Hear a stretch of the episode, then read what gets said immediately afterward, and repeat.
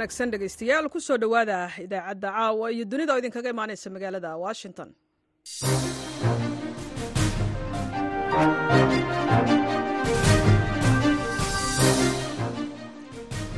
Isniin bisha februaayo ee sanadka kana waa shan. Waxaad naga dhegaysanaysaan mawjadaha gaagaaban ee iyo tobanka iyo sagaal iyo tobanka mitrban iyo bogga v o a somaly com. Saacadda afrikada bari waa toddobadii fiidnimo idaacadda caawa iyo dunida waxaa idiin daadihinaya aniga oo ah caashe ibraahim aadan.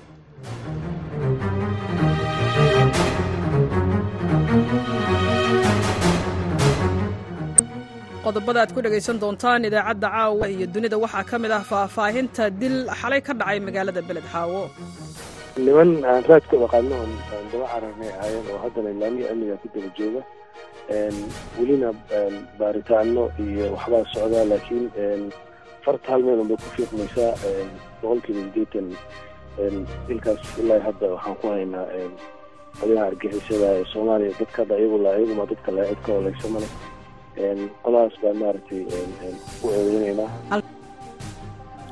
waxaa kale oo aad dhegaysan doontaan barnaamijkii ilayska v o a oo ku saabsan wejiga labaad ee bixitaanka ciidamada midowda afrika ee atmis amniga goobaha maaragtay muxuu ahaa ciidankaasi ay ka baxeen waxaa si buuxda u sugaya ciidanka qaranka soomaaliyeed qaybihiisa kala duwan.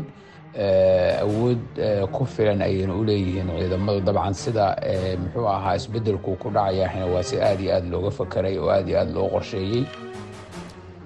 Qodobadaas iyo warar kale ayaad ku maqli doontaan idaacadda caawa. Intaasoo dhan waxaa ka soo horreeya warka caalamka oo aan idin akhriyo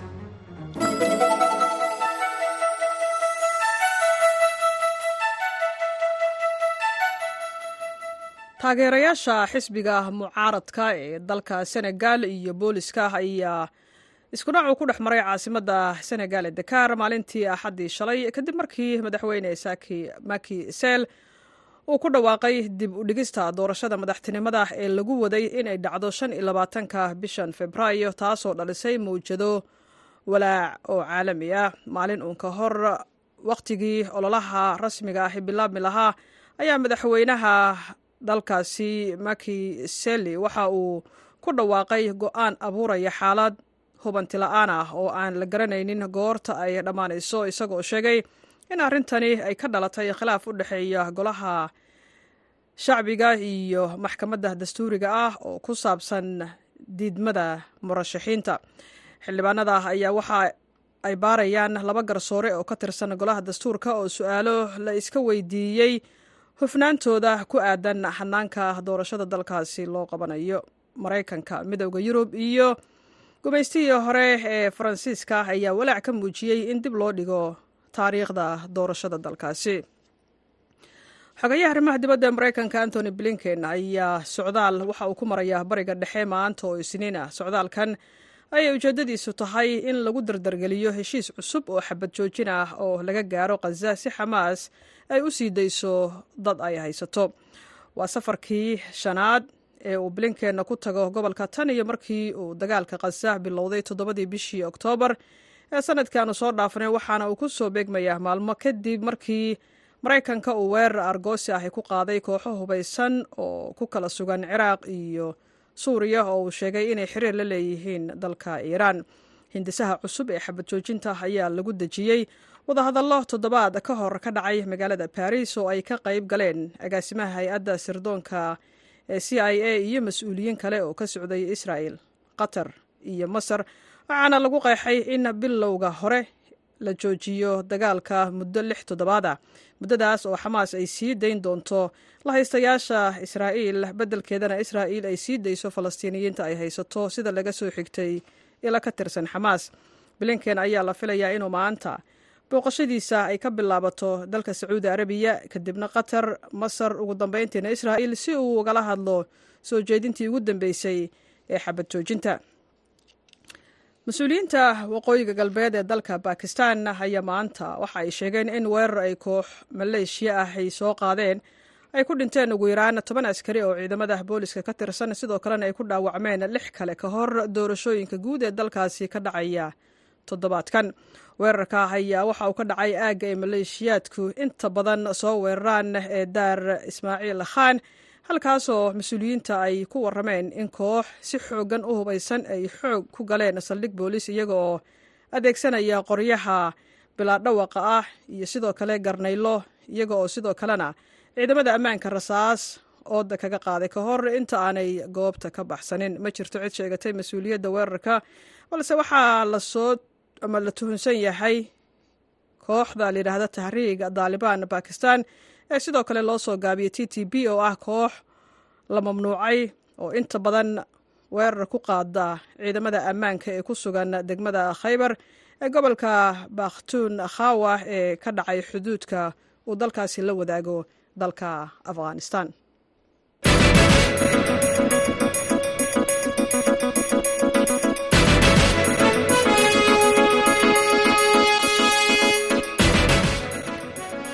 kale ayaan caweysin wanaagsan hawada idinka leenahay. Meel kasta o aad naga maqlaysaan wararka ka imaanaya magaalada beled xaawo ayaa sheegaya in xalay magaaladaasi uu ka dhacay dil loo geystay dad badankood asal ahaan ka soo jeeda qowmiyadda oromada. Cabdirashiid cabdi caroog oo ah guddoomiyaha degmada beled xaawo ayaa dilkani waxa uga waramay falastiin axmed iimaan. Waa mahadsan tahay walaal xalay saddexdii three three twenty four a m xilliga local timeka ay tahay oo ku dhawaad sagaal saac bar habeenimo. Sagaal saac bar habeenimo. Yaa waxaan maqlnay rasaas maaragtay aada u tiro badan ciidamadii amniga oo xilligii ay isbedelayeen batroolka ama rondada wax loo yaqaano ay ka faa'iideysteen qolihii dhagarqabayaasha ahaa. Yaa markiiba ka falceliyey oo goobtii tegey markii tegeyna waxay arkeen dad shacaba oo rag iyo dumar iyo ciyaal ba isugu jira oo qaarna meyd yihiin qaarna dhaawac ay yihiin way ka falgaleen oo dadkii markiiba gawaaridii ambulance gargaarka degdega loogu yeeray cisbitaaladiia loo kala qaaday. Waaga marka uu baryeyna waxaan helnay tirada saxda ee dadkii wax ku dhintay. Waxaa dhimatay toddoba qof oo islaan weyn oo waayeelo lixdan jira oo soomaaliya oo dadka deegaanka ah iyo lix qof oo ka soo jeeda etoobiya qowmiyadda oromada ah labo ay rag yihiin afarna ay dumar yihiin. Waxaa kaloo dhaawacantay waxaa kaloo dhaawacantay saddex dumara oo oromaa iyo laba caruura iyo nin asagana maaragtay oromaa marka lixdaas qofna dhaawacooda halis buu ahaa isbitaalada kenyan qaar u gudbinay mandera magaalada xuduudka kuwii kaloo la tacaali karna annagaa la tacaalnay marka intaas wey khasaaraha dhacay. Marka yaa dilkan geystay? Dad sama u soo qabateen? Dil maya niman aan raadkooda qaadno oon daba cararnay ahaayeen oo haddana ilaamiya amniga ku daba jooga. Welina baaritaano iyo waxbaa socdaa laakiin farta hal meel unbay ku fiiqmaysaa boqol kiiba sideetan dilkaas ilaa hadda waxaan ku haynaa qolyaha argixisada ee soomaaliya dadka hadda iyagu la iyaguma dadka la cid ka oleysa male qoladaas baan maaragtay u eedeyneynaa al-shabaab aad tuhmaysaan mana doonina hadda inaan laami ha ha al-shabaab ha marka dadkan la dilay maxay ahaayeen? Maxay gobolka u joogeen? Maxay qabanayeen? Walaal dadku dad shacab oo maaragtay qaxootiya oo ganacsi shaqooyinka yaryar u yimid oo deegaanka u joogay ahaayeen. Adduunka hadda waa aragtay global tourism iska noqday dadkii migration ay sameynayaan ethoobia ay ka imaanayaan soomaaliya imaanay qaar baa soomaaliya ka tegay ethoobia aadaya qaar baa kenya aadaya qaar baa kenya halkan imaan halkan u soo shaqa doona magaaladan waa magaalo crossborder xuduuda oo saddex wadan ay isugu yimaadaan. Marka inta badan dadka ajaanibta oo u soo shaqo tagoo cris crossing ka sameynaya waa laga helaa waa wax iska caadiya oo way joogaan inta badan. Marka xaafad sidee ahay deganaayeen maxre qaxootiay deganaayeen mise xaafad deegaanahay ahaayeen? Sideese loola soo baxay ma hal meelay deganaayeen mise meelo kala duwanaa laga soo laga soo bixiyay dadkan? Maya maya dadkan hal guriba waa hal compound oo maaragtay one facility oo weyn ay deganaayeen oo ayagu ay deganaayeen baa loogu tegay sakaneyn wax dhanna ku dhaceen dee xabadaha lagu furay. Dabcan soomaaliya weatherka waa iska kulushahay waxaa dhici karta in ayagoo dibadda jiifa oo qolalka aan ku jirin la helay. Marka xabadaha maaragtay baasaa lagu furay. Dad xataa ma jirin oo inta lala soo baxay lala gamboint lala dul istaagay. Dadka dad xabado lagu furay oo dhinacyada guri dhan oo inta isweer laga qabtay. Waryo dhinacyada lagala istaagay ahaayeen si automatic ah. Markii aan laami amniga tegeen ninka careen baa sii tageen marka walwal intee leegay dadka deegaanka arrintan gelisay? Gaar ahaana dadka aada sheegto qowmiyadaha kala duwana oo kenyaanka iyo etoobiyaanka isugu jira ee aada sheegtay inay magaalada joogaan? Dab dab dab dabcan dabcan argagax waa jira oo macnaha argagaxiso marka maqashid argagixisa ka dambeysay ama hawl argagaxle de waa hawl argagaxle cid kastaa ka argagaxisa kuwa deegaanka ka argagaxaya oo amnigoodii saafitiga ay haysteen hadda waxay ku muujinaysaa walaaca weyn.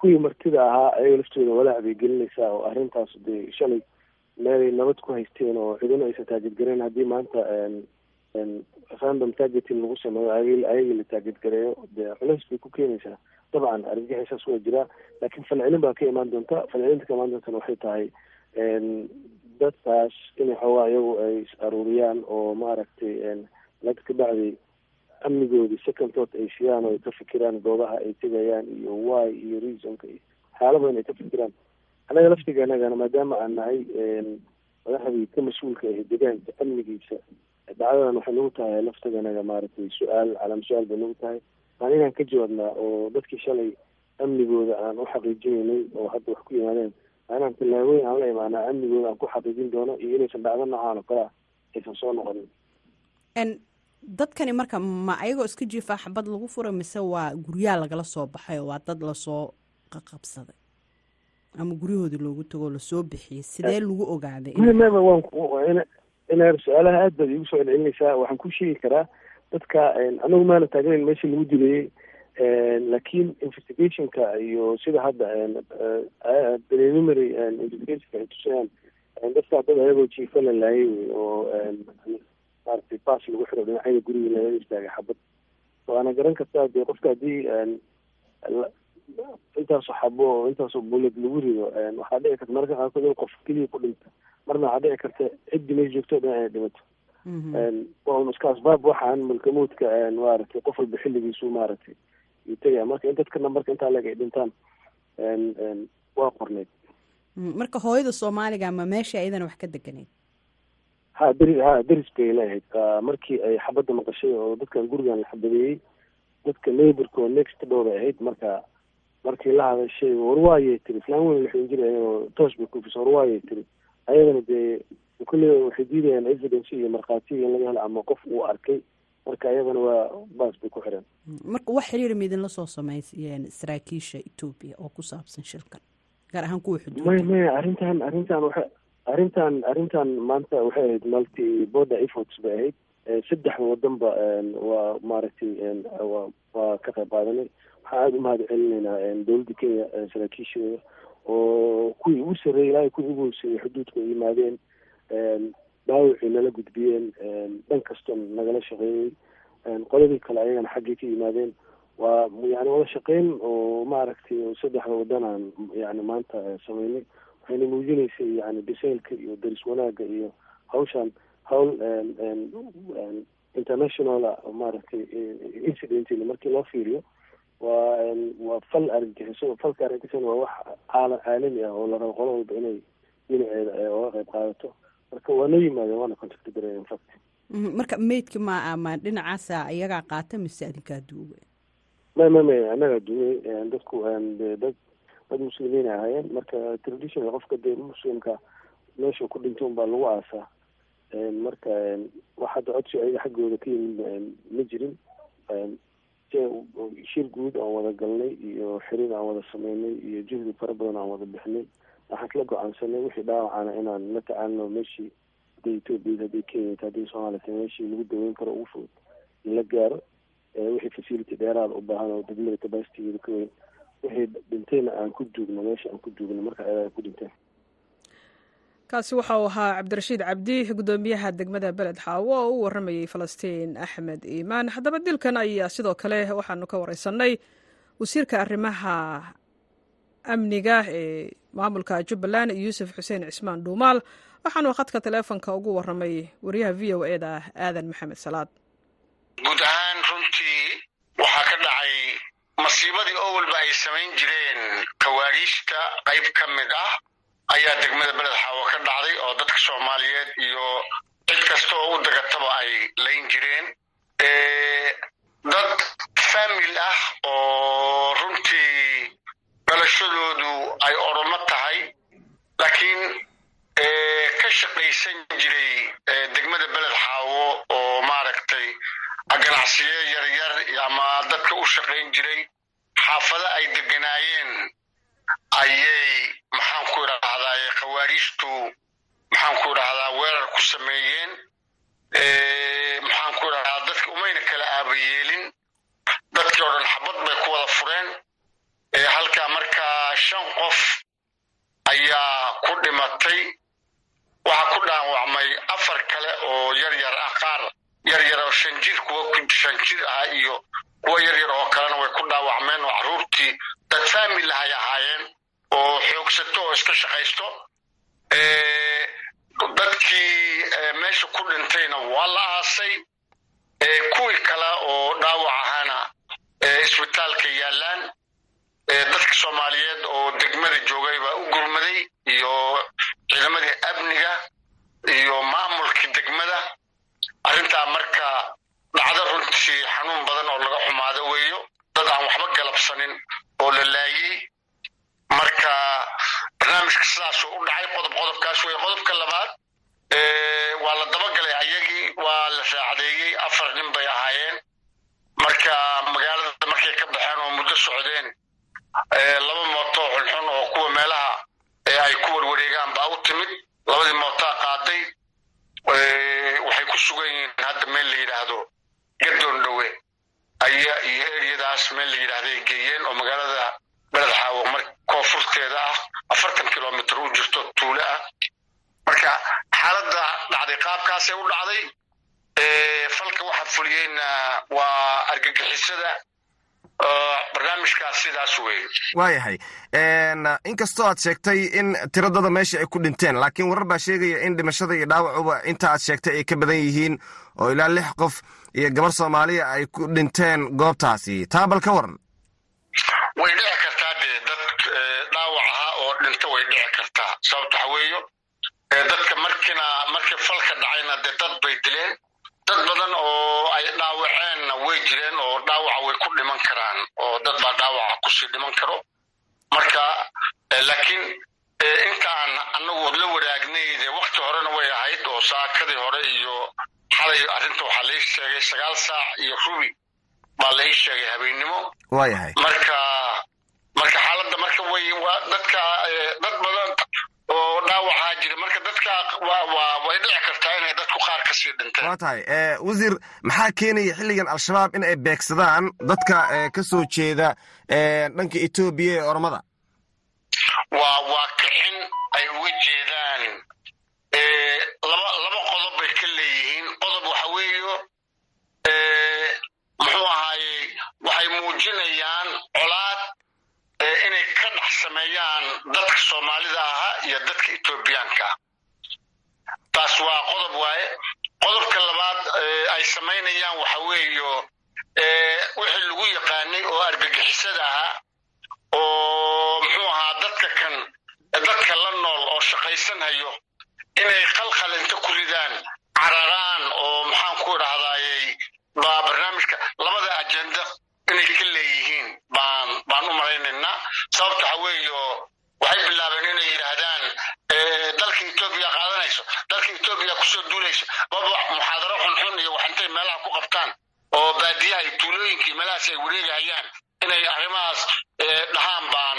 Laakiin isku soo duub waxa weeyo qayb argagixisadooda ka mid ah iyo xasarad ay uga jeedaan dadka soomaaliyeed iyo dadka etoobiyaanka inay colaad dhex dhigaan oo maaragtay muxuu ahaa ujeedkooda kaas wahay laakiin waa wax ciidamada qalabka sida iyo amniga iyo dowladdaba ay ka warqabaan lagana taxadirahayo maxaan ku idhahdayey wax wax fal ayagu iyo iyo rabitaan ka yimidna kama fuli doono degmooyinkaas iyo gobolla gobolka midna. Waa mahadsanta wasiirka amniga ee jubbaland yuusuf xuseen cismaan dhuumaal ayuu ahaa oo u waramayay wariyaha v o eda aadan maxamed salaad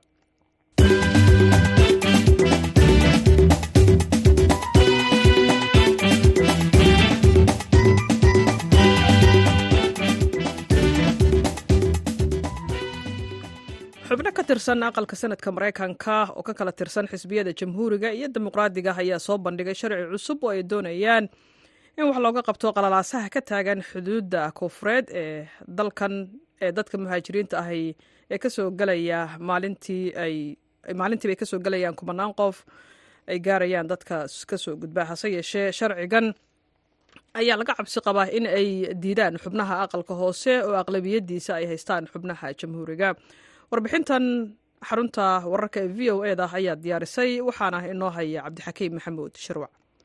Hogaamiyaha aqlabiyadda aqalka sanadka ee maraykanka shak shumer ayaa codayn bilowa gelin doona arbacada isagoo sharcigana ku tilmaamay tallaabo weyn oo la xidhiidha xoojinta ammaanka qaranka ee maraykanka ee dadka waddanka dibaddiisa jooga iyo weliba kuwa ku sugan xuduudaha isagoo sharcigana ku tilmaamay tallaabo weyn oo la xidhiidha xoojinta ammaanka qaranka ee dadka maraykanka ah ee waddanka dibaddiisa jooga iyo weliba kuwa xuduudaha ku sugan. Hase yeeshee dhowaana markii xeerka la baahiyey axaddii ayaa michael johnson oo ah afhayeenka aqalka hoose ee baarlamaanku uu sheegay haddii ay soo ansixiyaan aqalka sanadka ee ay majaraha u hayaan xisbiga dimuqraadigu islamarkaana u hor yimaado aqalka hoose ee ay u badan yihiin jamhuurigu uu halkaasi ku baabi'i doono yukrain ayaa xeerku ujeedaynayaa lixdan bilyan oo dollar oo ah taageero ay kaga hortegayaan ruushka. Halka israa'iilna ay heli doonto afar iyo toban bilyan oo dollar oo ah kaalmo ammaanka. Iyo weliba sidoo kale toban bilyan oo dollar oo ah gargaar bani aadamnimo loogu tala galay dadka rayidka ah ee ku sugan meelaha ay dagaaladu ka dhaceen ee yukrain marinka qasa iyo weliba daanta galbeed. Laba bilyan iyo afar boqol oo milyan oo dollar ayaa iyagana lagu maalgelin doonaa. Dadaalada lagula tacaalayay weerarada badda cas halka afar bilyan iyo siddeed boqol oo milyan oo dollarna lagu taageeri doono. Saaxiibada waajahaya gardarrada shiinaha ee aagga indobasifig xubnaha wadaxaajoodka waday aqalka sanadka ayaa ka shaqeeyey inay isku keenaan dhowr ahmiyadood oo uu dhaqdhaqaaqaya madaxweyne jo biden. Jamhuuriyiinta oo ka maagay xidhmadan ayaa sida oo kale ku daray tallaabooyin lagula tacaalayo. Kumanaanka qof ee sifahan sharciga ahayn uga soo gudbayay xuduudda koonfureed aqalka hoose jamhuurigu uu hogaamiyey iyo weliba madaxweynihii hore maraykanka donald trump ayaa aqalka sanadka ku cambaareeyey inaanay si mug leh ugu dadaalaynin la tacaalidda ammaanka xuduudda koonfureed. Biden ayaa isagu u riyaaqay xeerkan aqalka sare uu faafiyey isagoo sheegay inay ku jiraan tallaabooyinkii ugu adkaa uguna macquulsanaa ee dib loogu habaynayo xuduudda muddo tobannaan sannaa tallaabadan ayaa ay ku jirtaa hannaan adag islamarkaana deg deg badan oo lagu samaynayo codsiyada dadka magangeliya doonka kuwa baadhitaanka hore soo dhaafay ee hele warqadda ogolaanshiha shaqo waraysiyada dadka magangeliya doonka ah ayaa ku dhici doona maalmo gudahood marka uu qofku dalka soo gaadho iyadoo go'aana kama dambays ahna laga qaadan doono muddo bila ah halka hadda guud ahaanba hannaanka uu qaato muddo sannadaha waxaana taasi raacda xilli celcelis ahaan shan maalmood dadka sifaha sharci darrada uga soo tallaabaya xuduuddu ay kor u dhaafeen shan kuna qof maalintii iyadoo madaxweynuhuna u yeelan doono awoodda uu ku celin karo dadka sida aan sharciga ahayn u soo tallaabay iyadoo aan la siinin fursad ay ku sheegtaan kiiskooga magangeliya doonka mitch mcconnell oo ah hogaamiyaha xubnaha laga badan yahay ee aqalka sanadka ayaa isagu muujiyey taageeradiisa xeerka islamarkaana sheegay in aqalka sanadku ay tahay inuu isu diyaariyo inuu tallaabo qaado. Aad ayuu mahadsan yahay cabdixakiim maxamuud shirwac ayaa warbixintaasi nala socodsiinaya. Halkaad kala socoteenna waa laanta afka soomaaliga ee v o a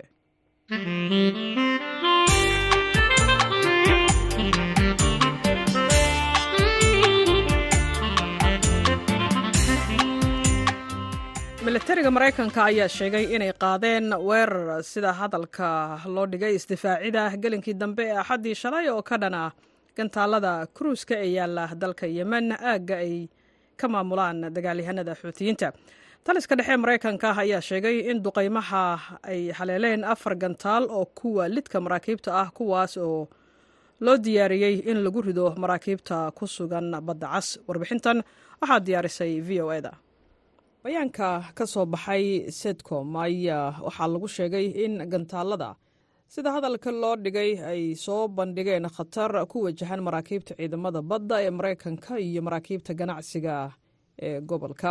Weerarkan ayaa ahaa tallaabadii ugu dambeysay ee ciidamada maraykanka ay ku qaadaan mitidiinta ay taageerto iiraan si ay uga hortagaan weerarada isdabajoogga ah ee xuutiyiinta ay la beegsanayaan maraakiibta maraysa marinka muhiimka ah ee maraakiibta ee badda cas.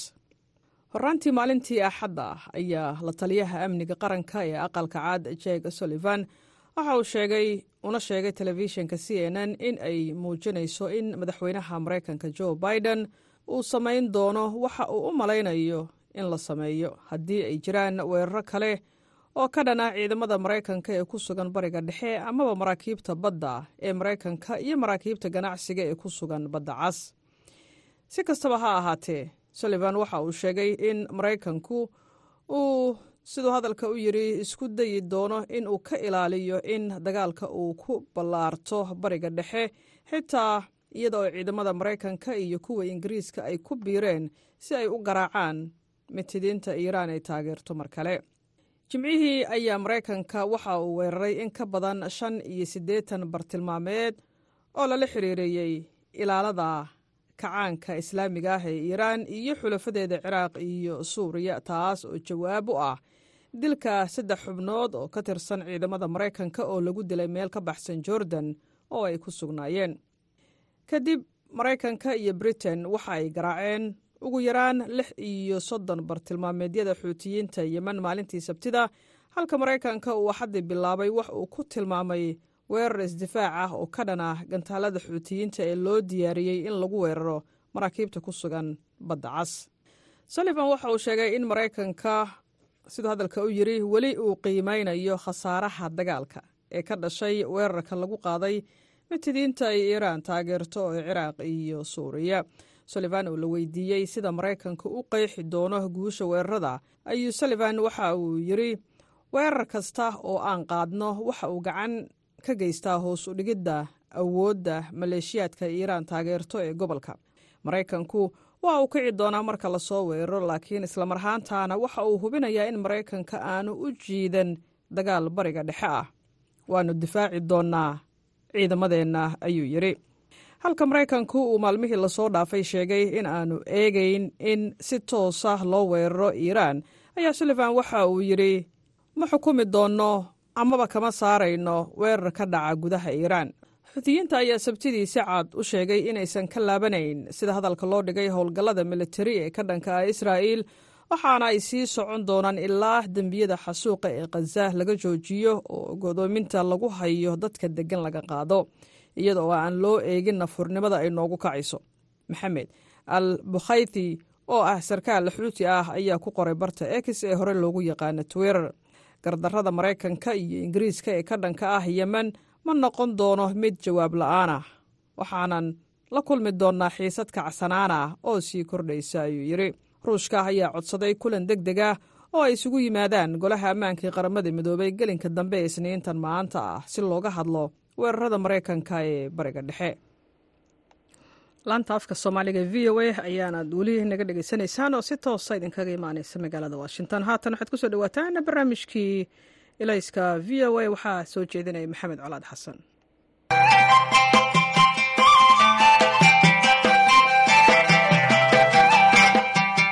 howlgalka midooda afrika ayaa toddobaadkii tegey soo dhammaystiray wejigii labaad ee dhimista ciidamada nabad ilaalinta ee ka jooga soomaaliya admis ayaa sheegtay inay wareejisay ilaa iyo sagaal saldhig oo toddoba ka mid a ay ku wareejisay ciidamada soomaaliya.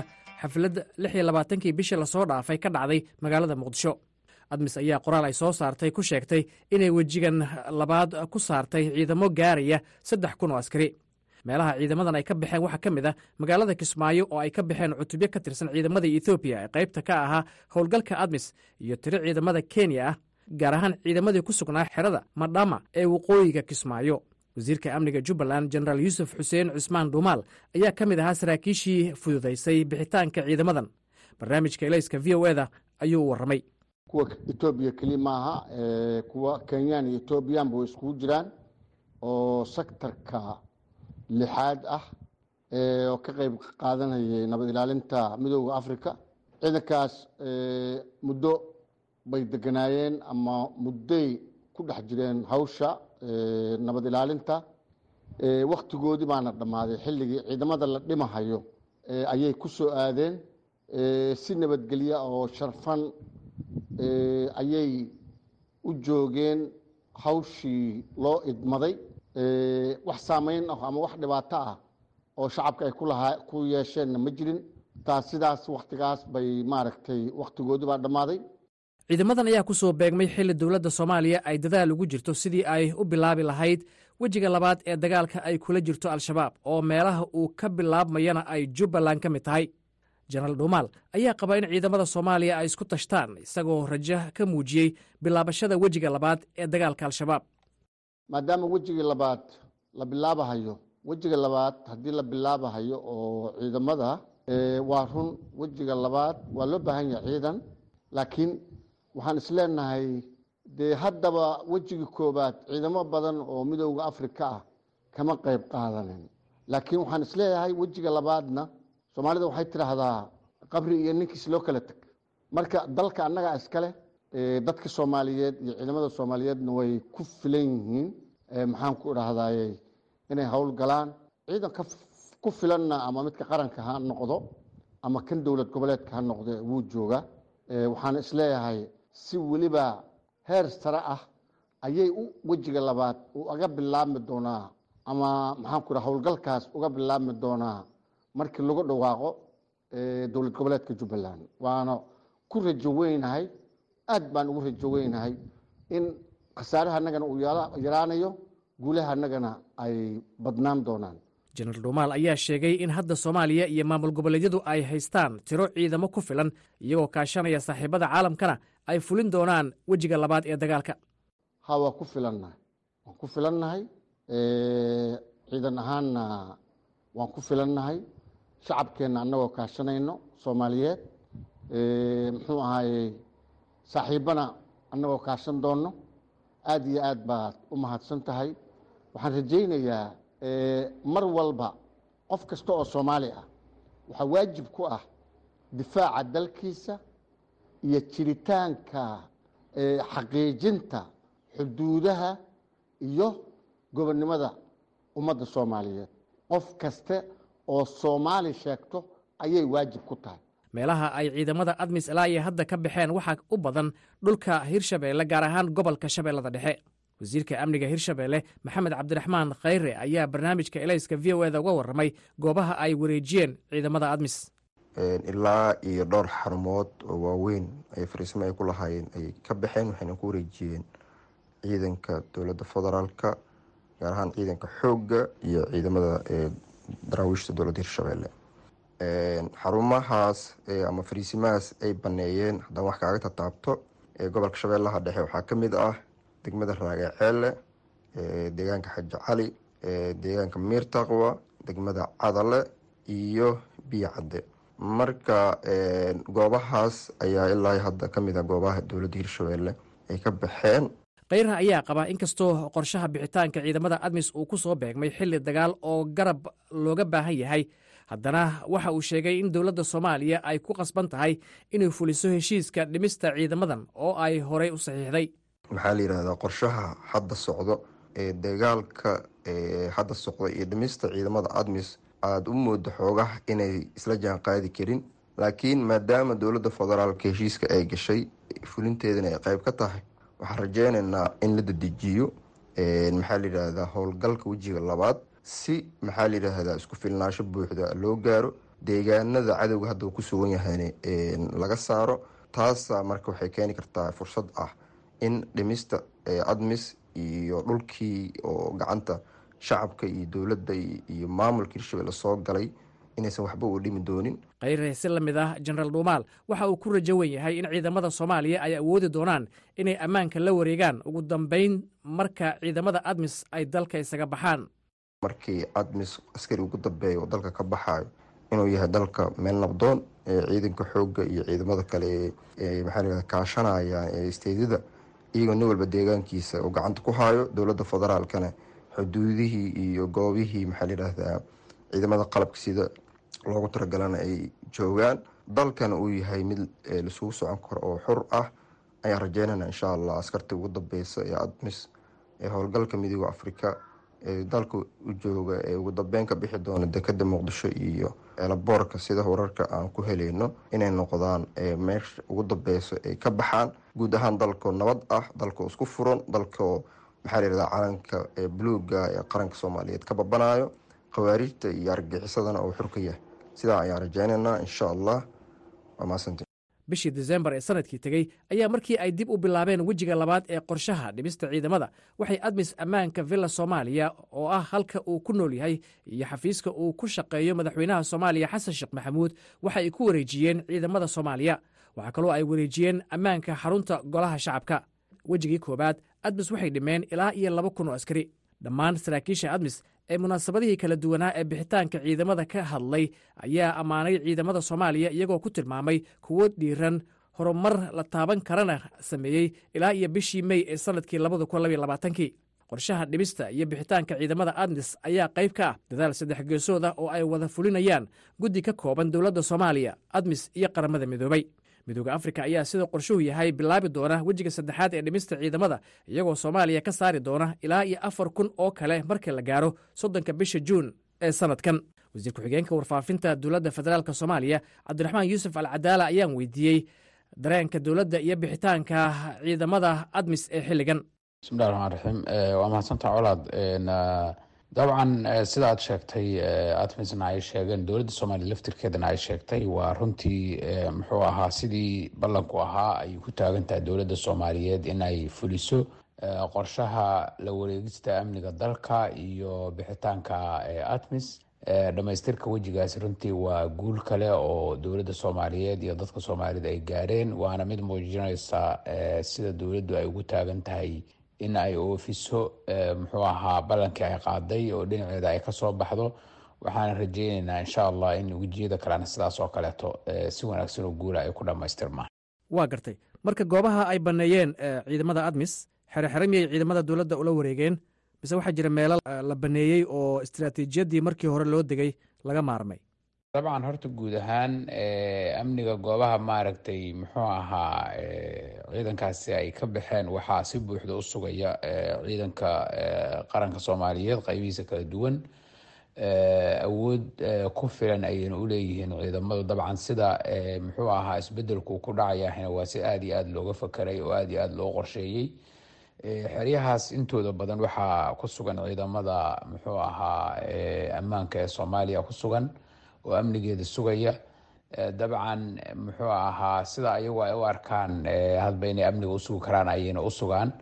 Muxuu ahaa meesha ay u arkaan inaysan hadda markaas maaragta muhiimad gaara lahayn ama aan baahi markaa in ciidan joogaan aan aanay hadda ka jirin dabcan way ka maarmaan. Meelaha kaleetana gacantay ku hayaan laakiin waxaan ku xaqiiji karaa waxay tahay guud ahaan in dhulka admis ciidamadooda muxuu ahaa ay ka baxeen ciidanka qaranku ay la wareegeen inuu hadda nabdoon yahay dhammaantiisna uu ku jiro gacanta ciidanka amniga. Cabdiraxmaan yuusuf alcadaala wejiga labaad ee dagaalka mar walba dowladdu way ku celcelisaa. Diyaargarow muddo dheer ahna wuu jiray. Ma moodaa in waktigu idinla fogaaday?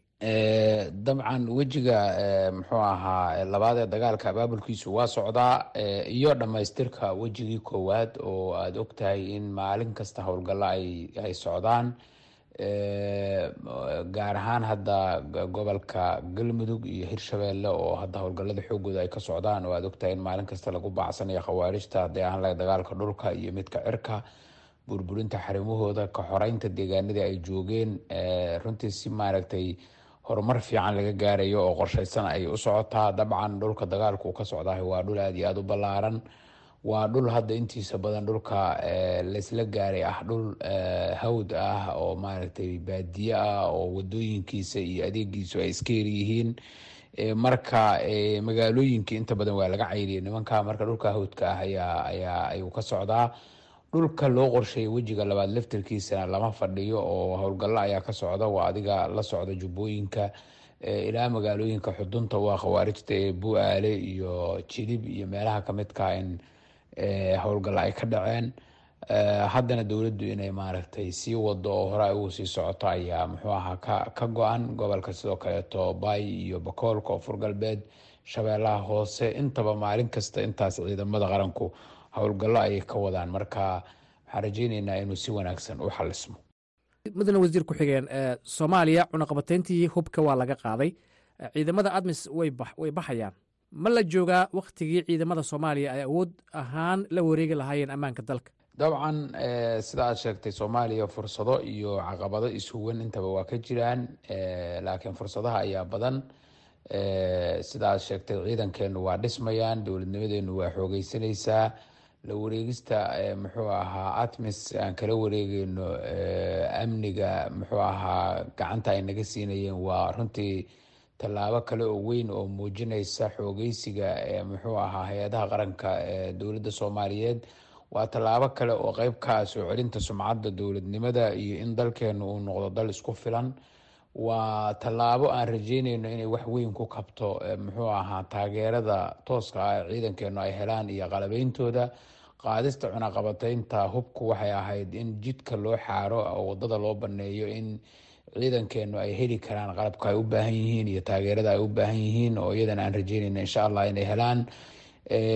In kasta oo culeysyada iyo caqabaduhu ay badan yihiin haddana dowlad ahaan kalsooni weyn ayaan ku qabnaa annagoo dadkeena iyo allah subxaana watacaala kaashanayno in aan ku filannahay in aan khawaarijta iska saarno in aan amisom muxuu ahaa atmis kala wareegno amniga wadankeena oo ciidamadeenu ay ku filaadaan. Marka waxaan rajeyneynaa in muxuu ahaa caqabadahaas oo dhan insha allah aan ka guuleysano. Horumarkii sannadkii la soo dhaafay la sameeyey iyo midka hadda sanadkan muxuu ahaa la bilowdana. Dhammaantood inay sii xoojiyaan geedigelinta qaranka iyo dadaalka aan ugu jirno in dalkeenu uu ka baxo oo uu ka bogsoodo boogihii iyo caqabadihii wakhtiga dheer uu la tahay insha allah dhinaca kale dadka ka faallooda arrimaha amniga soomaaliya ayaa ku kala aragti duwan wakhtiga bixitaanka ciidamada admis. Cabdisalaam yuusuf guuleed waagasimo ku-xigeenkii hore ee nisa hay'adda sirdoonka iyo nabad sugidda qaranka ee soomaaliya. Ciidan ciidan la wareegaa waa jiri karaa xero waa lagu wareeji karaa cadad ciidanka amisom ku filan oo afar boqol waa la gey karaa meel shan boqol joogtay ama meel saddex boqol joog shan boqol waa la gey karaa. Laakiin muhiimaddu waxay tahay waxaa admis u dhammaystirnay oo mashiinada iyo iyo iyo maarata motoorada iyo shidaalka waxaan is leeyahay dowladda soomaaliya logisticaas weli wax weynaa ka dhiman waana waxaan is leeyahay sax maaha waktigan bixitaanka cadadka intaas la eg inay inay baxaan ciidanka amisom. Marka aniga ciidanka soomaaliya ciidan ahaantooda geesinimadooda iyo ma ma runtii ma dhaliilayo. Laakiin waxaan waxaan shaki ka qabaa ciidanku inaysan u dhammaystirmeen waxyaabihii ay u baahnaayeen oo ay ciidan kumbida ku noqon lahaayeen. Hadday tababar noqoto inaysan u dhammaystirnayn hadday aaladda ama qalabka lagu dagaalamaa noqoto inaysan u dhammaystirin waxa u dhow waxa amisom haysatana inaysan haysanin. Uma malaynaya admis in isbeddel lagu samay karo bixitaankooda. Lana waktigooda wakti la qararo weeyaan mar kastana qaabkay u baxayaan oo cadada go'aanay ku baxayaan. Jaamac maxamuud cabdulaahi oo ah qabiir dhinaca nabadda iyo dib u heshiisiinta ayaa u arka ciidamada soomaaliya inay ku filan yihiin ammaanka dalka. Dhimista iyo bixitaanka ciidamada admisna aanu waxba u dhimaynin soomaaliya de haddaan idhaaho way isku filan yihiin keliya. Waxaa laga yaabaa dee in maga ogtay u baahan yihiin in la fahmo laakiin hal su'aalaan isweydiinaynaa oo ah amisom markay timi dalku siduu ahaa dowladdu siday ahayd xaaladdu siday ahayd. Marka halkan waxaad ka garan kartaa inuu isbeddel weyne yimi korriin badani yimi dhinaca dowladnimada dhinaca nidaamka dhinaca horumarka maaragtay iyo dee dhinaca amnigaba oo maaragtay marnaba lama barbardhigi karo markii ay yimaadeen. Marka haa waxaad odhan kartaa isbeddel weyn oo la sameeyey dartii. Waa la isku filaan karaa waxaana ka markhaatiya dee dhacdooyin fara badan oo taariikhda oo meel fog aan laga raadinayn iminka meelaha maaragtay dee dalka ah ee aanay joogin amisom yaa ilaaliya yaa gacanta ku haya. Meelaha ay ciidamadan amisom joogeen waxay ahayn holding waxa la yidhaha bay ku jireen gacan ku hayn iyo maaragtay faranta dee may joogine mar kasta waxa ka horreeyey ciidanka soomaalida ka sii horreeyey ciidanka soomaalida oo xadidnaa tababaro fara badan oo turkiga maaragtay iyo eritrea iyo uganda iyo dee meelo fara badan maaragtay dalka gudihiisaba ka dhacayna dee waxa weeyaan intaasoo dhan waxay kutusaysaa intaa dee waxa soo baxaya ciidan iyo awood baa dee soo kordhay marka haa waxaan odhan karaa marka horeba meelahay ku jireen waxay ahayd backup bay u ahaayeen ciidanka soomaalida xitaa marka meel la gelayo dee way daba socon jireen. Marka haa way way way hayn karaan aniga waanay ku filan yihiin dabcan diyaargaroow badanna dee wuu jiray. Dhamaystirka wejiga labaad ee dhimista ciidamada admis ayaa ku soo aadaya iyadoo bishii desembar ee sannadkii tegey lagu taageeray magaalada new york ee dalkan maraykanka qorshaha horumarinta amniga soomaaliya. Qorshahan oo ay dowladda soomaaliya aqbashay ayaa eegaya qaabka loo wajahayo ammaanka soomaaliya kadib marka ay admis ka baxdo.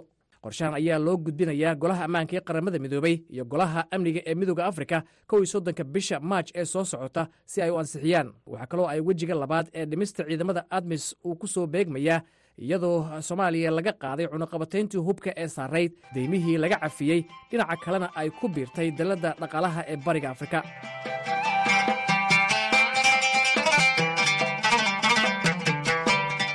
Intaa ayaan dhegaystayaal ku soo koobaynaa barnaamijkii ilayska v o eda oo aan toddobaadkan ku soo qaadannay wejiga labaad ee dhimista ciidamada admis ee soomaaliya. Barnaamijka ciddii uu seego waxay ka daalacan kartaa bogga aan ku leennahay internetka iyo boggeenna facebook. Intaan barnaamijkan mid la mida ku kulmaynana waa maxamed colaad xasan oo idin leh sidaa iyo nabadgelyo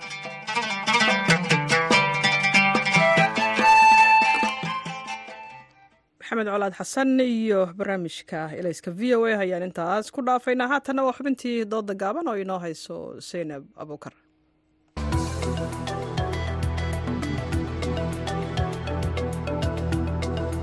kulanti wacan oo wanaagsan dhegaystayaal kuna soo dhowaada xubinta dooda gaaban maanta oo ku saabsan kaalinta dhallinyarada soomaaliyeed ay ku leeyihiin dowlad dhiska iyo siyaasadda dalka.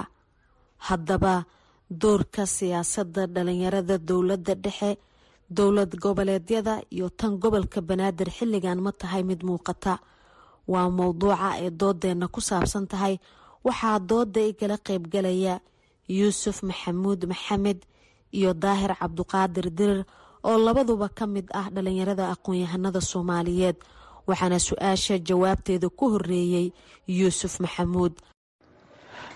Bismillahi raxmaan raxiim sayna abuukar adiga iyo dhammaan dhegeystayaasha v o a iyo saaxiibka barnaamijka igala qeyb qaadanayo runtii waa in salaamay.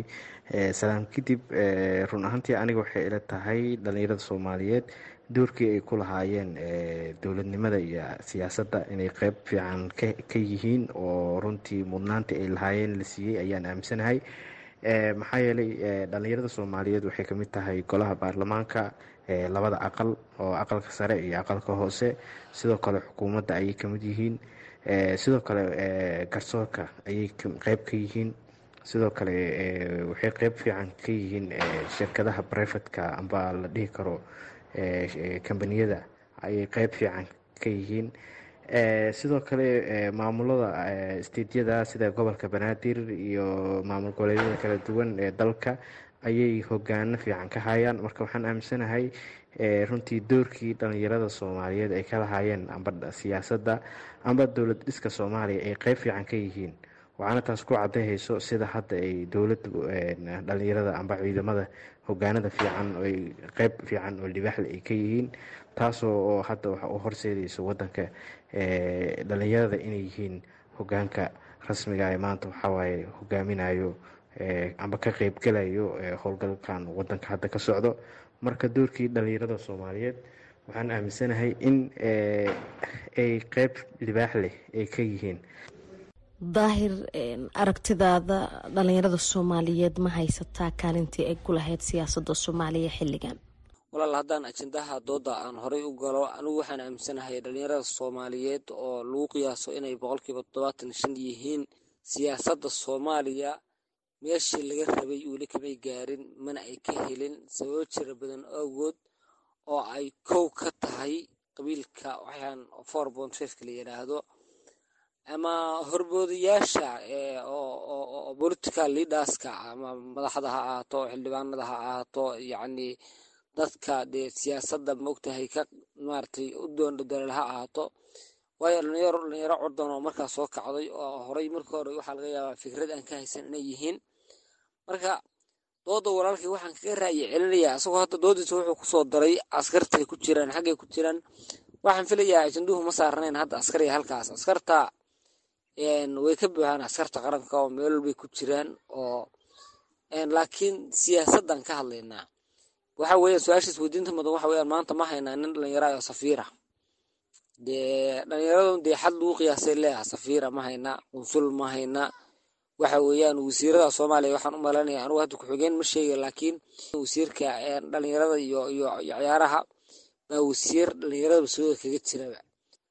Marka adduunkana waxaa ka jirta youth empowering wax la yidhaahdo sidaa hadda ogteen siyaasadda caalamka waa la socoteen wadamo dhan baa dhalinyaro yar inta tartamaan oo codkooda dhiibtaan oo dadka albaabada ku garaacaan bay waxaasaan qabanay na doorta dhahaan activitigooda iyo codkooda iyo waxqabadkooda lagu doortaa. Taas markaana kumaana gaarin. Sidoo kale haddaan dooda ugu soo laabtana maanan weli heerka laga raba dhalinyaradan soomaaliyeed siyaasadda door kuma leh aan dib kugu soo noqday yuusuf waad dhegeysanaysaa daahir waxa uu leeyahay. Qoondadii ay ku lahayd siyaasada soomaaliya ma haysato dhalinyarada. Inkastoo fursado la siiyey. Adigana waxaad qabtaa in door muuqda ay ku leeyihiin siyaasada xiligan marka la eego marxaladihii kala duwanaa ee uu dalku soo maray maxaad ugu jawaabi lahayd dooda yuusuf aad ba umahadsan yahay saaxiibkii. Run ahaantii doorkii looga baahnay dhalinyarada soomaaliyeed. Aniga waxaan aaminsanahay inay ka ciyaareen siyaasadda. Dhalinyarada soomaaliyeed meel walba marka aad fiiriso dowladnimada waa ku jiraan waana hogaano fiican ayay ka haystaan. Marka waxaan is leeyahay doorkii iyo meeshii looga baahnay in dhalinyarada soomaaliyeed gaareen waa waxaa la dhihi karaa waxyaaba badan waa iska jiraahoo de markii loo fiiriyo shaqo abuurka dhalinyarada iyo iyo inay shaqa la'aanta dhallinyarada soomaaliyeed haysato waa taas waxawaaye waa baab guuniya laakiin markii loo eego siyaasadda amba golayaasha sharci dejinta oo dowladda heer federaal amba heer state amba heer hoose oo xataa golo deegaana intaba waxawaaye door fiican oo weyn ay ka qaateen waxaad og tahay in dhallinyarada soomaaliyeed maanta ay hogaano fiican ay haystaan amba gobollada ha noqoto amba dowladaha xubnaha dowladda federaalka meel walba ay saameyn xoogle ay ku leeyihiin oo door la taabo kale ay ka qaateen.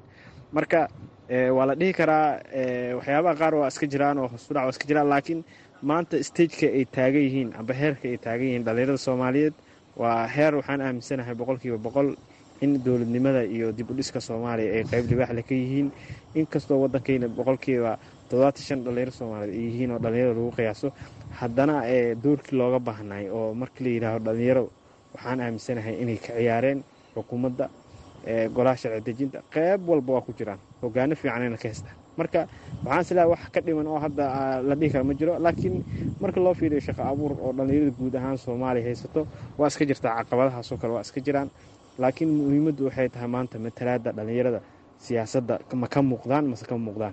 Aniga waxaan aaminsanaha boqolkiiba boqol inay ka muuqdaan. Doorkii looga baahnayna ay ka qaateen.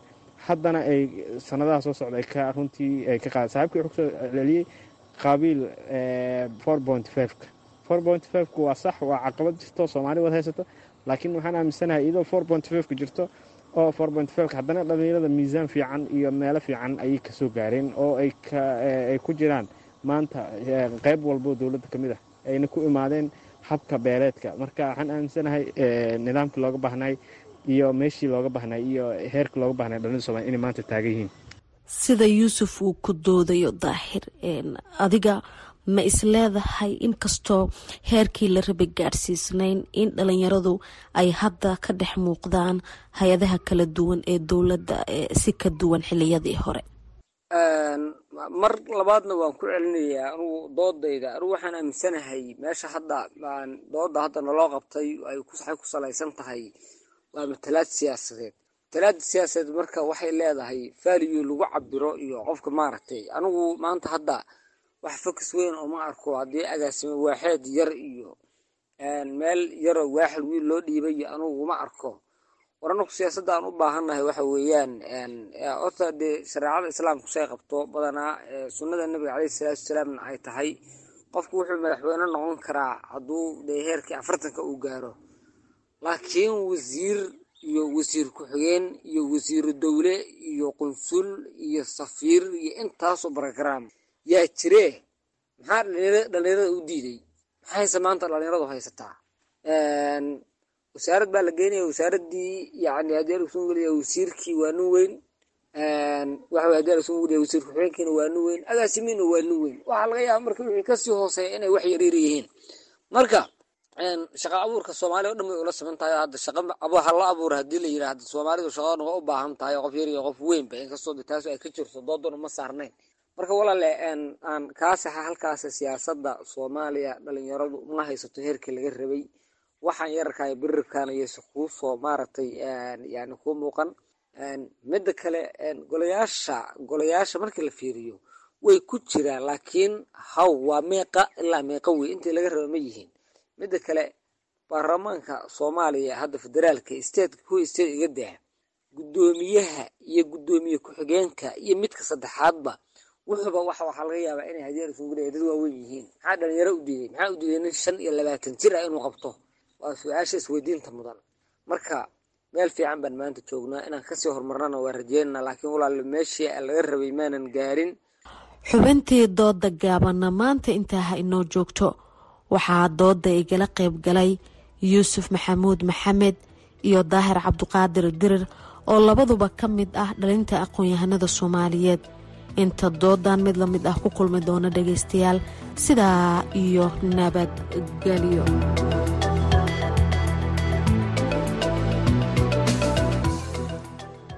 saynab abuukar maxamed iyo xubinta dooda gaaban ayaan intaas uga gudbaynaa. Haatanna waa dhinacii heesaha. Fanaanka iskalaaji codkiisa nala dhegaysta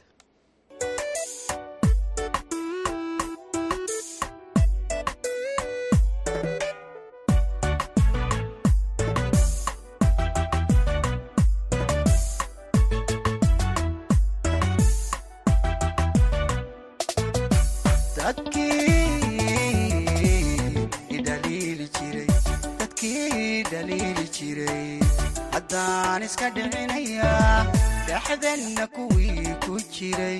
Rooshaanu caadaynaya